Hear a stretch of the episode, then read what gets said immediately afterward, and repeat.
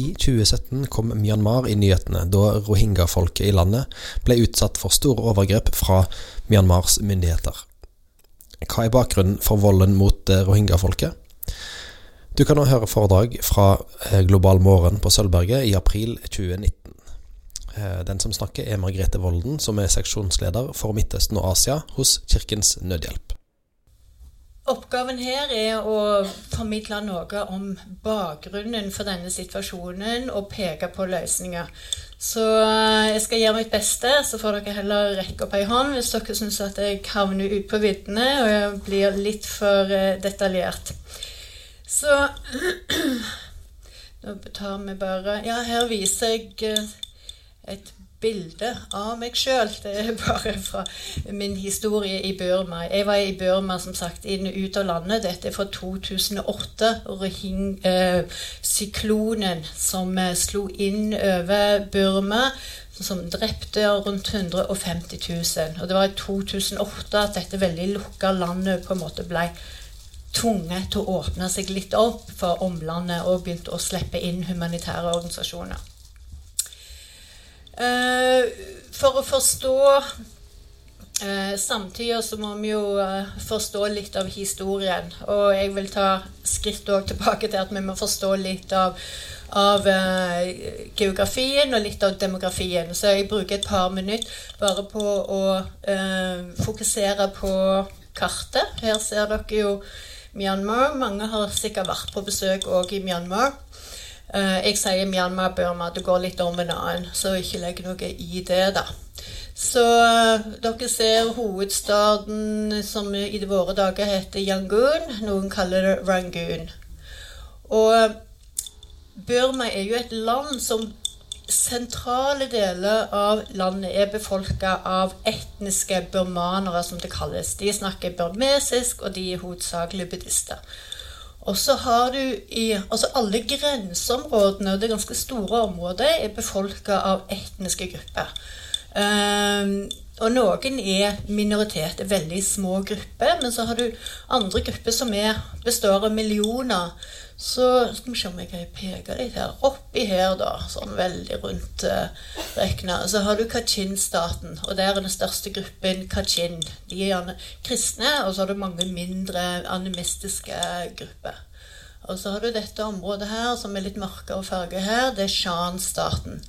Og her er det Shan-gruppen. De er buddhister. De er den dominante gruppen her. Men igjen veldig mange mindre minoritetsgrupper som gjerne er animister, noen kristne. Og så har du situasjonen, altså området her, nede gjennom på grensen mot Thailand, et stykke der her. Det kaller de gjerne Karen-starten og Kareni-starten. Og, eh, og, mange her har jo sikkert hatt, uh, hørt mye om Karen-flyktninger som bor i leirene i Thailand. Så den, denne flyktninggruppa jeg har jobba mest med. Så har du nede her i sør, så har du det, gamle, det som var det gamle Mon-riket. Her har du Mon-befolkningen. De er òg buddhister. Og så har du borti her Der har du Qin-staten.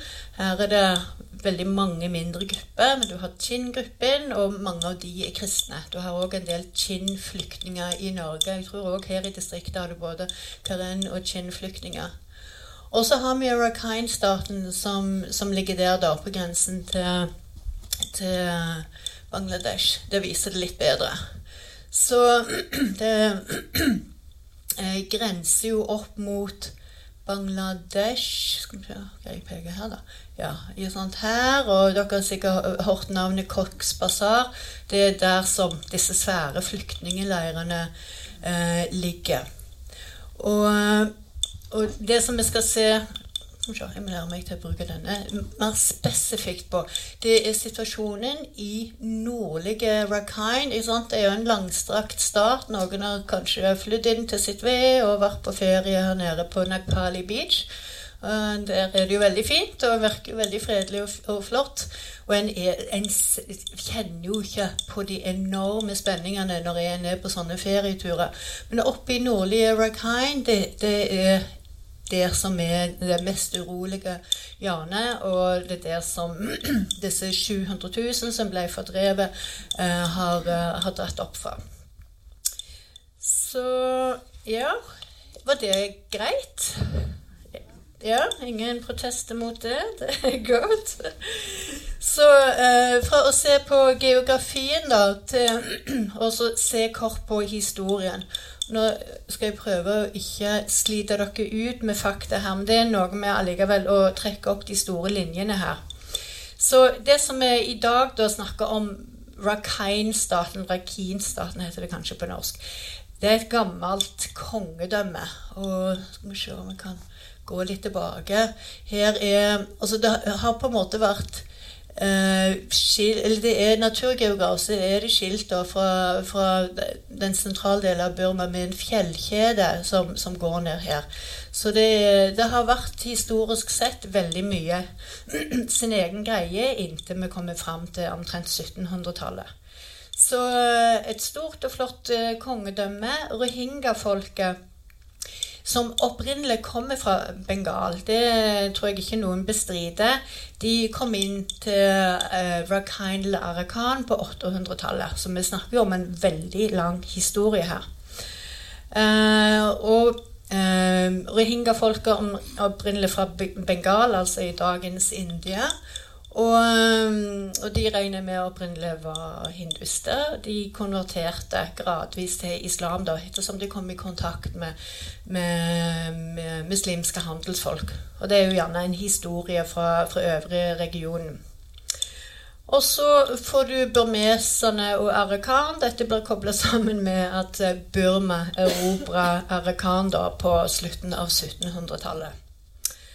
Og så eh, er det jo britenes inntreden i regionen med koloniseringen av India. Og Burma var visst kalt Bak-India på den tida. Og det var jo sånn gradvis erobring og innlemming av Burma i det britiske eh, koloniet Altså i den, det, det, som britene eh, eh administrerte som britisk India. Ja, og så eh, skal vi se i Vent Uh, ja, vet du. Ja. ja. Og så kom jo andre verdenskrig, japanerne inn, og så uh, uh, Britene tok tilbake, frigjorde Burma. Og kommer fram til 1948, så blir jo Burma selvstendig rett etter India har blitt selvstendig. Og da i den perioden der øker spenningen mellom burmesiske myndigheter og rohingya-befolkningen. Så, så, så igjen, dette som vi har sett i 2017, det, det, det har lange røtter. Og så kan en diskutere hvor, hva er det som har drevet fram den spenningen som har vært der. Uh, Burma, de fleste uh, i alle fall som har levd en stund, husker sikkert navnet Nevin, general Nevin. Det var han som gjorde statskupp i Burma i 1962, og som leda Burma fra 1962 fram til 1988. Da var det eh, det sosialistiske Burma, og det var styrt etter litt mer sånn sovjetisk samfunns... Eh, eller eh, sovjetisk sosialisme osv. Så eh, han eh, Nevin han eh, ble avsatt i 88, og mange husker vel at det var etter de store demonstrasjonene i, på dem, demokratidemonstrasjonene i, i, Burma i 1988. og Eh, Aung San Suu Kyi hun sto jo fram som leder i 1998 det og på en måte ble løfta fram av den demokratibevegelsen.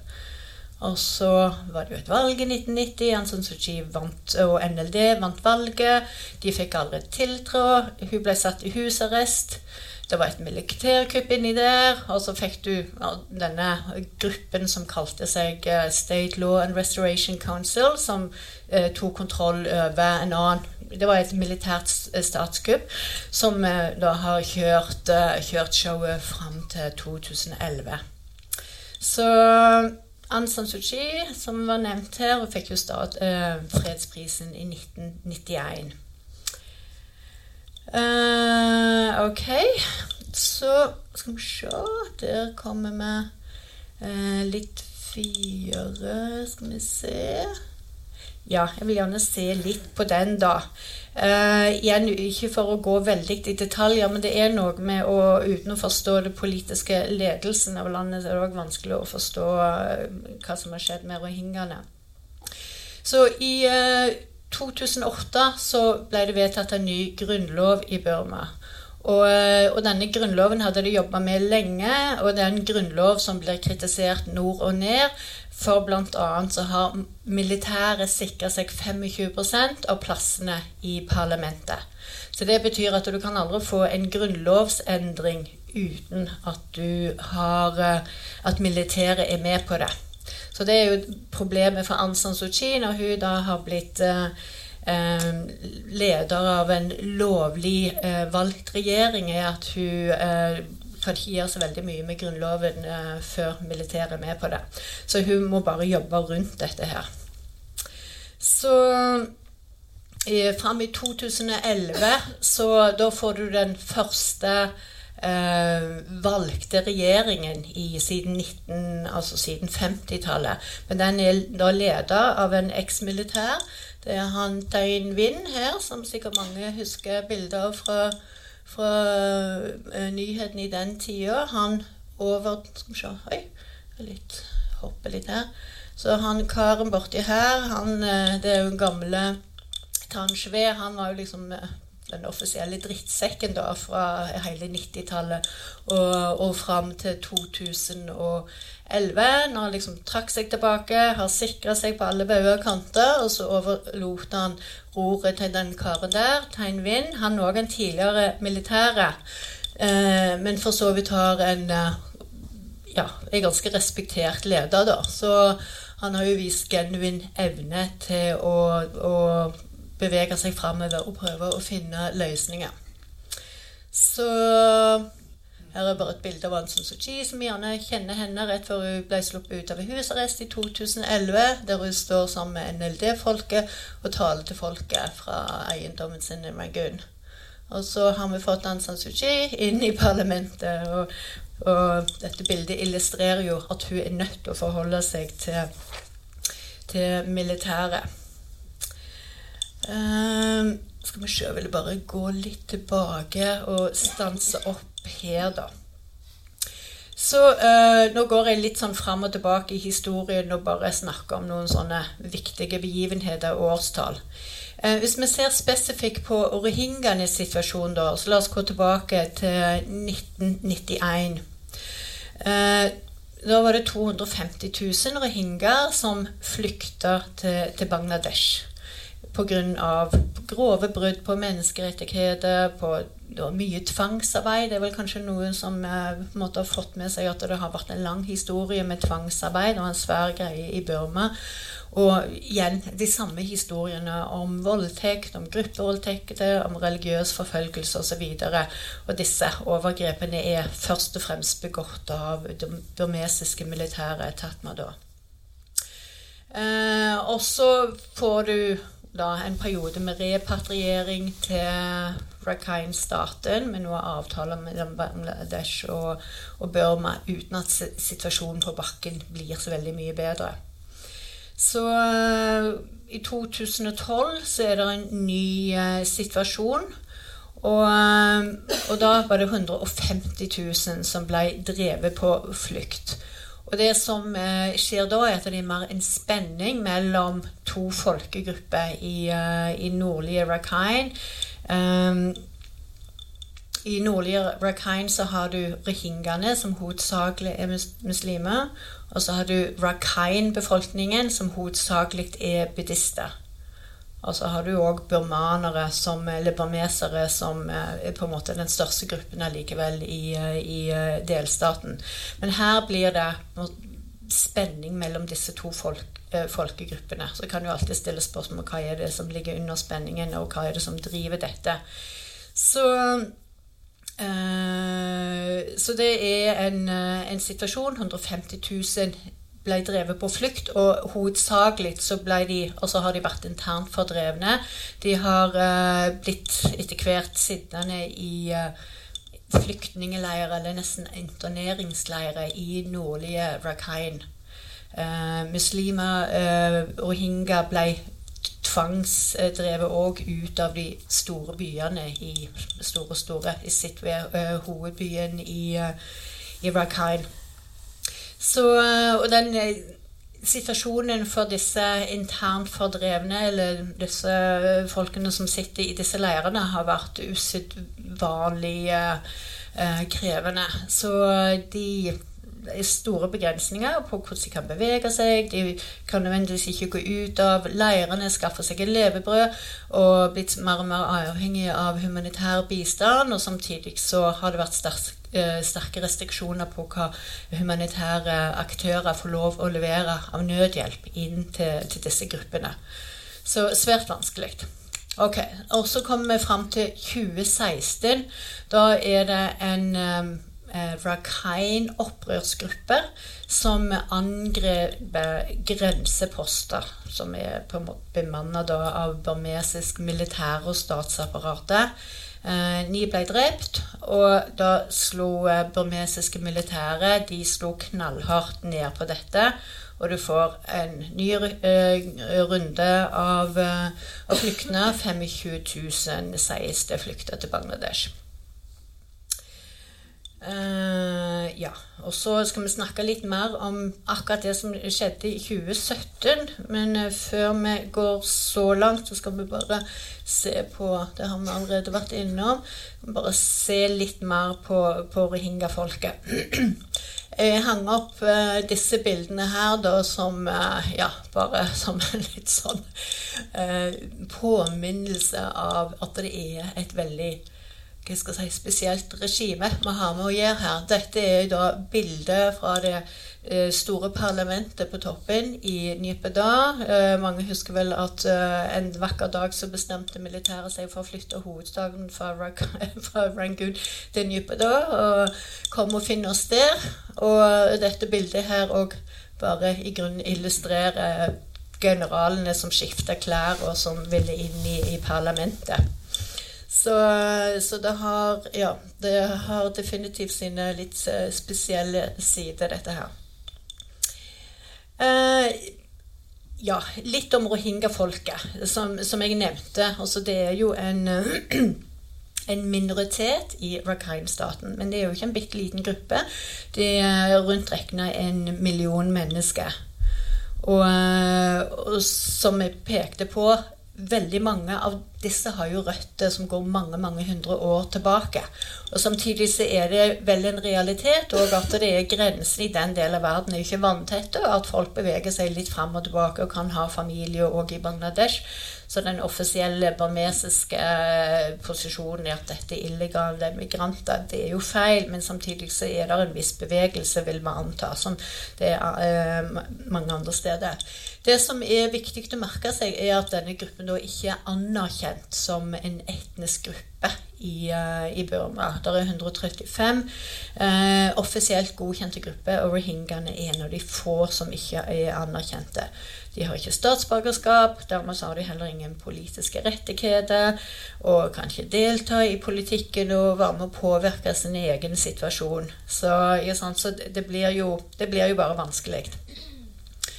Rohingyaene sies òg å være utgjør 10% av verdens statsløse. Så det er jo ganske dramatisk, det vi, det vi ser på her. Uh, det var ikke alltid sånn. Det er uh, rohingyaene har hatt mer rettigheter, men det har vært en lang prosess der de har uh, eh, mista flere og flere av sine rettigheter, og situasjonen har blitt vanskeligere og vanskeligere til at Desmond Tuton sier at dette er apartheid. Altså de, de uh, har ikke lov å bevege seg fritt i sitt eget land, de har ikke lov å gifte seg hvis de ikke har statsborgerskap, ungene har ikke rett på å gå på skole, osv., osv. Ja, så uh, i 1982 eh, så kom det en lov, da, som den som, uh, som, som sier at det er kun de som har vært i Burma før koloniseringen, som blir burmesiske statsborgere. Og så slår dette veldig hardt ut for rohingyaene, da som sagt i hovedsak ikke da blir ansett som borgere av, av Burma. Uh, Rohingyaene ser dette som dette har ingenting med historien og sånn og sånn. Dette er bare en strategi for å, for å sende oss på dør, kort, kort og greit. Uh, litt om Rakhine-staten. Uh, det er jo et paradoks at Rakhine-staten er i utgangspunktet eh, et område rikt på naturressurser. Det er jo der du finner eh, I havområdet utenfor Rakhine du finner betydelig olje- og gassfunn nå, så oljeutvinningen er i gang. Lokalbefolkningen får minimalt igjen av det, snarere tvert imot. Eh, vel, eh, det fører jo til menneskerettighetsbrudd osv. Og, det er et godt jordbruksområde, det er gode fiske osv. Så, videre. så i utgangspunktet så burde jo dette være en blomstrende del av dette, dette landet. Men realiteten er at pga. vannstyret og politikken så er det ekstremt høy fattigdom i Rakhine-staten så dobbelt så høy som landets gjennomsnitt. Og gjennomsnittet i Burma er jo ikke veldig høyt når det kommer til fattigdom. Det er et begredelig fattig land til tross for all rikdommen. Uh, ja. Og det som jeg nevnte, at det er tre hovedbefolkningsgrupper. Burmanerne, som er på en måte den politisk dominante gruppen, og muslimene og, og rakhine-buddhistene. Så det er spenninger på kryss og tvers her mellom altså Rakhine og rohingya har historisk dårlig forhold til burmanerne, og så er det òg spenning internt mellom uh, disse gruppene. Så det er mye og misnøye å, å fiske i her, håper jeg, hvis du, hvis du er etter det. Eh, for eh, den buddhistiske Rakhine-befolkningen har òg hatt en rolle i overgrepene på rohingya. Og, og, sånn som jeg forstår dette, så er det veldig mye at den på en måte noen nører opp i en motstand eller i en misnøye som, som, som ligger der, og at disse gruppene blir spilt ut mot hverandre. De buddhistiske rakhinene de føler seg òg undertrykte av burmesiske sentralregimet. Og deres greie med Rakhine-befolkningen er at de er muslimer, de får mange barn, og de er, det er liksom det populære narrativet. Eh, og så er deres perspektiv at vi blir minoriteter i vårt eget område. Så det, er mange dimensjoner her. Uh, skal vi se uh, da tror jeg bare at jeg vil gå litt fort videre og snart komme inn på 2017. Eh, men bare peke på at når NLD vant valget i 2015 og når tiltrådte og ble lederregjeringen i 2016, så trodde vi jo alle, hadde, håpet vi jo alle at dette var begynnelsen på et mer demokratisk Burma. Men så har det jo fått uh, en del negative uttrykk her og der, og bl.a.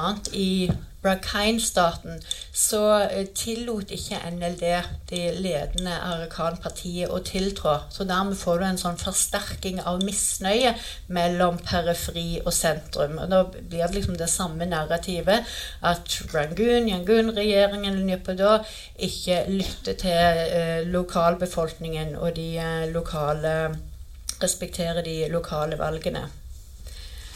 Og dermed så får du òg en framvekst av, eh, av opprørsgrupper. Mens i, tilbake til det første kartet, når jeg snakker om alle disse ulike etniske statene Alle disse statene har jo vært i, har sine væpna grupper, og det har jo vært en 50 års borgerkrig i Burma. Nå er det jo en fredsprosess på gang. I Rakhine-staten har det vært lite organisert væpna opprør, men det er nå først de siste årene pga. den pågående dårlige, negative utviklingen i staten, så får du framvekst av flere væpna grupper. Og det er de da som har angrepet disse grensepostene, som igjen har trigga at burmesiske militære går inn og, og slår så hardt ned på, på rohingya-befolkningen i første omgang. Uh, ja.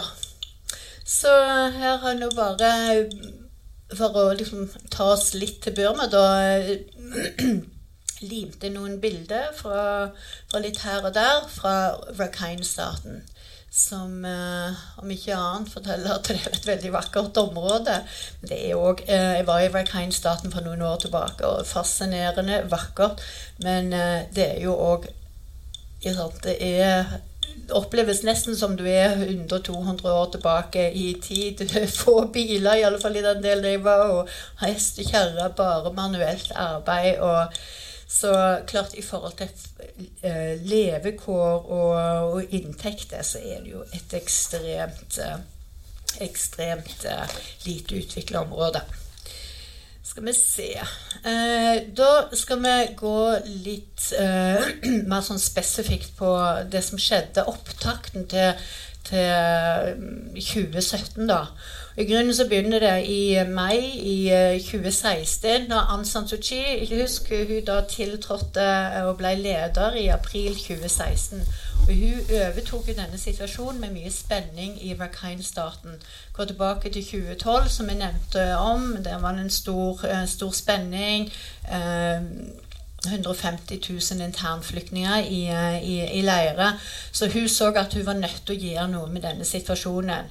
Så eh, også vet hun òg at det er militæret som har, eh, er ansvarlig for, for, dette, så det er jo veldig delikat. Så hennes løsning var at hun ville på en måte outsource eh, arbeidet med å undersøke hva har egentlig forholdene, og komme med noen anbefalinger for å, å finne løsninger på en, eh, en, eh, fredelig utvikling i, i staten.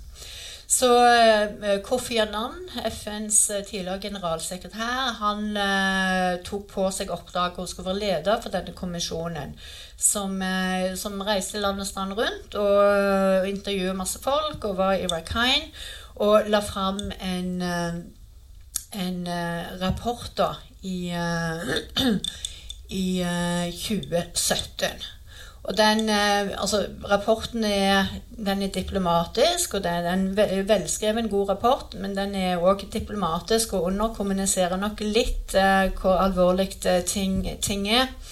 Men den jo, slår jo fast eh, at det er burmesiske militære som, som, sitter med hovedansvaret her. Eh, så denne rapporten ble lagt fram 24.8.2017. Og eh, noen få timer etter denne rapporten ble lansert, så angriper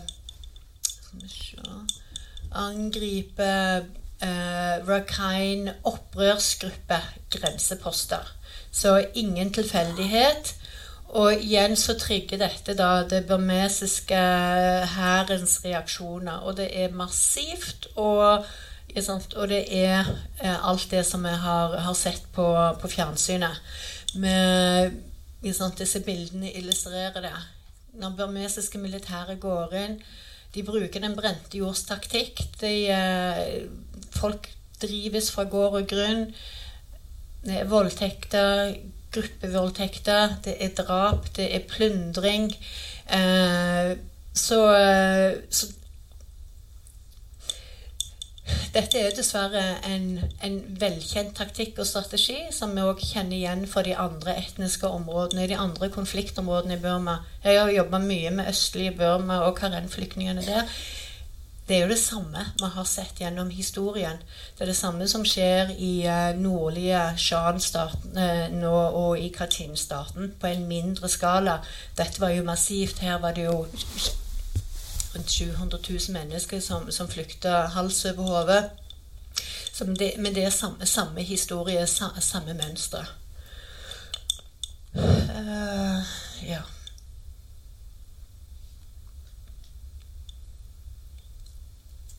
Dette er bildet som jeg har tatt fra, fra, nettet. Jeg var jo ikke til stede midt oppe i denne situasjonen, og det var jo veldig få internasjonale til stede som, som vitne. Så, så Ja. Så, så, det var i uh, uh, I august-september 2017. Flyktningene er jo fortsatt i, i, Bangladesh. Det kan vi komme litt tilbake til. Uh, hvordan er det i uh, Rakhine-statene akkurat nå? Uh, 700 000 flykta jo da, og det er jo eh, Det var kanskje 300 000 eh, Rakhine allerede i Bangladesh. Så, men fortsatt er det rundt en, 470 000 Rakhine som bor i Rohingya som bor i nordlige Rakhine-staten. Og veldig mange bor i interneringsleirer, eller så bor de vel rundt omkring på landsbygda i, i sine hjem, da. Eh, situasjonen eh, Rent humanitært så, er, så, sies det å være nærmest en katastrofe. Det er jo ekstra, et område som har vært preget av årelang konflikt. Folk er nedkjørt, lite tilgang på mat, er jo ikke et velfungerende samfunn. eh, disse som sitter i leirene, sitter på en måte internert, og det er veldig lite eh, humanitær assistanse. Det er noe, men det er sånn av og på hva som slipper inn i området. Så for de internasjonale organisasjonene som jobber der, så er det å jobbe med Rakhine ekstremt frustrerende. Uh, en del av det som er det store problemet for Rakhine-befolkningen, er knytta til det at de ikke har uh, statsborgerskap. Og, og, dermed så kan de ikke fritt bevege seg rundt omkring i Burma og søke arbeid. Så de er på en måte stakk. De er på en måte stengt inne i nordlige Rakhine-staten. Og der er jo forholdene uh, langt fra gode. Så ja Eh, for å gå fram til nå, altså 2019 eh, nå er det vel li, relativt lite som rapporteres i, uh, på nyhetene fra denne situasjonen. Så det er vel kanskje litt mer sånn for spesielt interesserte som følger med på flyktningsituasjonen i Bangladesh. Eller så hører vi veldig lite fra Rakhine. Eh, jeg må si jeg ble overraska sjøl når jeg eh, måtte lese meg litt opp her for å forberede meg, der jeg så at det var faktisk et nytt angrep da, i begynnelsen av januar i 2019. Da er det den buddhistiske opprørsgruppen som angriper politistasjoner. Så ikke sant? Eh, det som trigget den andre krisen, var det muslimske rohingya. Nå er det de frustrerte buddhistiske rakhainene som igjen slår til med, mot uh, politistasjoner og, og grenseposter. Uh, og igjen så ser du samme reaksjonsmønstre fra, fra barmesiske militære. De går inn og Altså de straffer sivile. Det er jo det som er det gjennomgående i, i hele Burma i denne 50 år lange historien. At de straffer sivile for, eh, for, eh, for det som eh, for angrep og brotsverk som opprørsgruppe måtte ha gjort. da. Og da er liksom logikken at de væpna gruppene har støtte i sivilbefolkningen. Derfor må vi ta ut sivilbefolkningen, og dermed så forsvinner støtten til, til opprørsgruppene. Så nye 7500 ble fordrevet, rapporteres det om. Ok, så eh, litt perspektivet på, på, dette som har skjedd, da. Jeg nevnte at Annan eh, leda kommisjonen fra 2016. Den gikk liksom tilbake og så på sant, de litt lengre linjene i situasjonen i Rakhine-staten. Og så får du 2017-fordrivelsen. Eh, og så får du Menneskerettighetsrådet i Genéve eh, sette ned en kommisjon for å undersøke forholdene. Denne kommisjonen her slipper ikke inn i Burma, så det er jo et arbeid som foregår fra utsiden, men med å, å, å intervjue folk, da. Og, og de jo, slår jo fast, og som jeg har skrevet her da, på, på engelsk um, at dette er grov, eh, grove brudd på internasjonal lov, liksom kort og greit. Og anbefaler at ansvarshavende her, det er jo først og fremst burmesiske militære, bør stilles for den internasjonale straffedomstolen i Haag. Eh, de slår fast at dette er en sånn klassisk situasjon av etnisk rensing. Og det som er ganske Hva skal jeg si eh, Oppsiktsvekkende, vil kanskje noen si. Eh, bare en eh, ja, veldig ubehagelig realitet. At han peker på at denne fordrivelsen av rohingyaene i 2017 at dette var planlagt. Altså Det kan framstå som en sånn spontan reaksjon på angrepet på disse grensepostene. Men, eh, men, de har bevis på at dette er noe som de har vært forberedt De har bygd opp denne store fordrivelsen, straffen av rohingya-befolkningen. Så eh, jeg kommer litt mer tilbake til det. Facebook blir jo òg nå om dagen så er det jo mye kritikk av Facebook. Og Facebook har òg fått en sviende kritikk for den rollen, eller manglende rollen, som de har hatt i forhold til å overvåke altså, hatefulle ytringer på Facebook som på en måte har rulla godt nå de, de, siste årene. Så de har ikke fulgt utviklingen og altfor seint begynte å gå inn og liksom aktivt prøver å ta vekk noe av de mest uh, hatefulle ytringene som, som lå der. Uh, skal vi se Nå har jeg holdt på lenge, så nå tror jeg at jeg skal bare gå litt fort fram her. Så uh, er det litt tid til spørsmålet sånn på, på, slutten. Det som jeg vil si litt om, da, er, er at dette var ha, på en måte planlagte eller forberedt aksjon. Og, og, det handler jo om at de, en ser at de har flytta tropper inn i området. En forut for dette en hadde en kampanje med å på en måte Alt fra å fjerne kjøkkenkniver til våpen i Rakhine, lokalsamfunnet, så de ikke var i stand til å forsvare seg sjøl i påvente av, av, en aksjon. Så du har alt fra det til uh, vi se, forsvant lyden nå? Det, hører dere? Ja. ja. Så og så har du parallelt med det så har du da en framvekst av eh, buddhistisk nasjonalisme.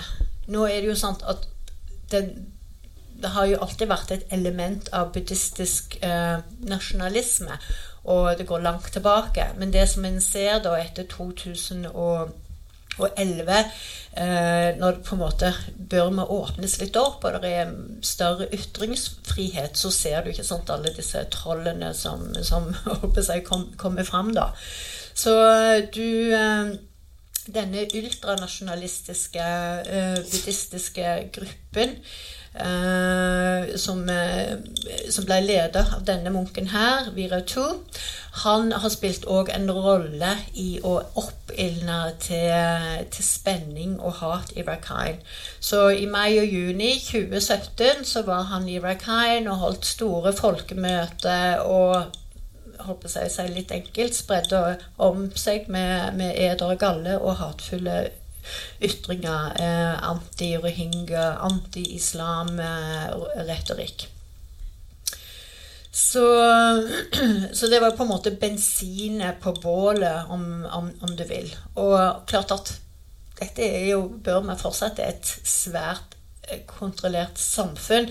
Så, så dette har jo vært eh, sanksjonert, eller noen har sett den andre veien. Dette har fått lov å pågå i, eh, i, eh, i lang tid. Dette viser bare noen bilder fra, fra, disse møtene og demonstrasjonene her. Stop insulting i uh, buddhism. ikke sant? Så kan du si at dette er jo ganske fantastisk i et land eh, som Burma. Noen av oss eh, sant? ser på det bildet her nede. Mange husker sikkert det bildet fra 2007. Saffron Revolution. når buddhistiske munker gikk ut og demonstrerte mot det sittende, eh, sittende eh, regimet. Så eh, det er ikke nødvendigvis de samme, samme gruppene. Så, så, det er jo sammensatt òg innenfor for, eh, buddhistiske kretser, da. Men dette har fått lov å, å på en måte vokse nå uhindret fram. Og jeg må si på min siste reise i, Jeg var i Burma i, i november i fjor. Eh, og altså, samtaler som jeg da hadde i eh, butikker, i taxier, liksom bare med vanlige folk. Wow, jeg var helt sjokkert over sånn, Dere i Vesten forstår ikke hva som skjer her. Dere må ikke tro på alt det som dere hører på, på nyhetene. Her er det en annen fortelling.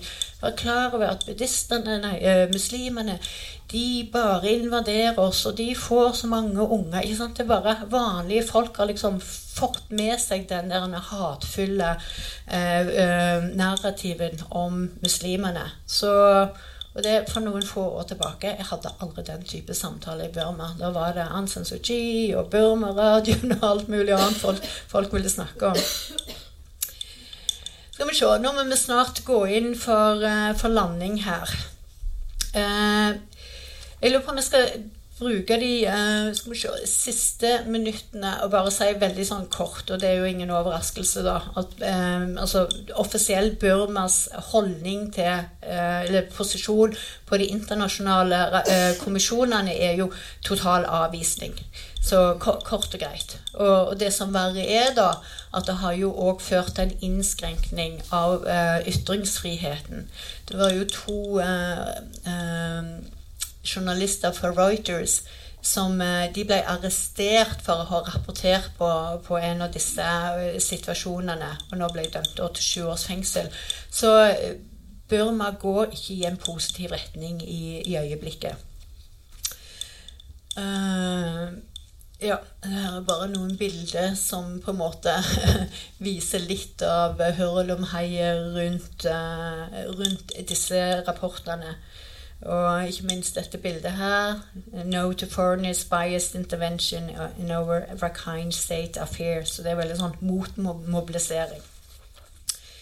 Uh, dette med Aung San Suu Kyi oppi dette, det er jo det som uh, er litt vanskelig for oss å forstå, da. Og, og for å være demokrati-ikonet og uh, tok fram det ikoniske bildet av han John Curry. Fantastisk bilde for mange år tilbake. ikke sant? Denne skinn, skinnende damen til å bli liksom en uh, uh, kynisk maktpolitiker. ikke sant? Vi, vi, strever litt med å forstå det. Og hun blir jo kritisert nord og ned av det internasjonale samfunnet for at ikke hun har gjort mer i forhold til rohingya-situasjonen. Så uh, så kan du si uh, det taler til hennes fordel er at hun prøvde jo når hun kom til, til tiltrådte i 2016 og tok initiativ til Annan-kommisjonen. Så vil alle si at dette er bare sånn PR, window dressing, og egentlig så er det ikke noe genuin vilje til å gjøre noe her. Uh, det er påstander. Jeg tror ikke jeg kan si så mye om det. Men jeg tror at det som er for å prøve å forstå hennes situasjon, da. At hun sitter jo i realiteten og leder en sivil regjering. Eh, hun har ingen kontroll over militæret. Militæret eh, styres av seg sjøl, og militæret har kontroll over militæret, over grenseministeriet, innenriksministeriet, over sikkerheten. Så, så, hun har ikke sånn de facto makt til å instruere disse ministeriene og militæret. Så, så, det som jeg forstår, er at utad så må hun liksom holde på en måte stå, stå der og være fast og på en måte òg eh, eh, dekke litt overfor militæret, men internt så er det nok veldig mye spenninger mellom eh, NLD-regjeringen og, og militæret. Så noen vil si altså Dette bildet borti her, da, der er Aung San Suu Kyi med bilde av faren, av Sang bak. Han var jo den store nasjonale frigjøringshelten, general. Mange vil si at hun er sin fars datter. Og når hun ikke går på militæret i det, sånn, i, i det offentlige rom, da, så handler det om òg at hun, hun kommer fra et sted. Aung San Suu Kyi og NLDs regjering en sånn faktisk evne til faktisk få, få gjort noe med situasjonen. Så, nei, så, så, det ser ikke godt ut. Så jeg kan ikke forstå noe annet at uh, vi nå står overfor en, uh, en uh, flyktningsituasjon i Bangladesh som, som vil bli der en, en, god del år. Det var et veldig langt svar på et kort spørsmål, men det var i grunnen litt viktig. Ja, vi rekker ett spørsmål til. Hvis noen har. Ja. Hei. Eh, De to siste globale morgenene vi har hatt, har handla om eh, eh, Pakistan og Etiopia. Og da har vi blitt oppfordra til å reise til disse landene. Og da er mitt spørsmål Er det sånn at man kan reise til eh, Myanmar? Og bør man reise til Myanmar? Mm. Ja eh, Jeg syns det. Eh, det var jo eh, i Før eh, den dem, overgangen til ska, eh, demokratiet i Burma, så var det jo uh, turistboikott, og det var jo mye Skal en reise til Burma eller ei? Så jeg tenker at der som landet er nå, da, så jeg tenker at det som er utrolig viktig, er at landet kommer ut av isolasjonen. Og Jeg har òg gått noen runder med meg sjøl og tenker er det riktig med, med boikott, eller er det bedre å engasjere og hindre at land blir isolerte? Så, men jeg tenker at når en reiser til et land som Burma, eh, en skal være bevisst på hvor en legger igjen pengene. Og det som har alltid vært min hovedregel, er bo på de mindre hotellene og altså unngå å bo, dra på pakketurer, bo på disse store, flashy hotellene. For disse hotellene er eid av generalene og deres familier og deres cronies. Tenk hvor dere legger pengene. Det er i grunnen det, det, det, det viktigste. Så jo enklere og mer lokalt dere bor, jo bedre er det. Mm. Og så, ja. Ja, eh, kanskje vi skal la det være den, den, eh, det siste, fordi det var jo også en oppfordring da, til å, å, dra dit og gjøre noe eh, på riktig måte, som jo er viktig hvis vi reiser. Eh, tusen takk for et veldig interessant foredrag og for eh, en god innføring i en situasjon som mange av oss har hørt en del om, men ikke på noen måte har forstått eh, så mye av som vi nå fikk bli del av. Så tusen hjertelig takk. Ja, tusen takk for meg.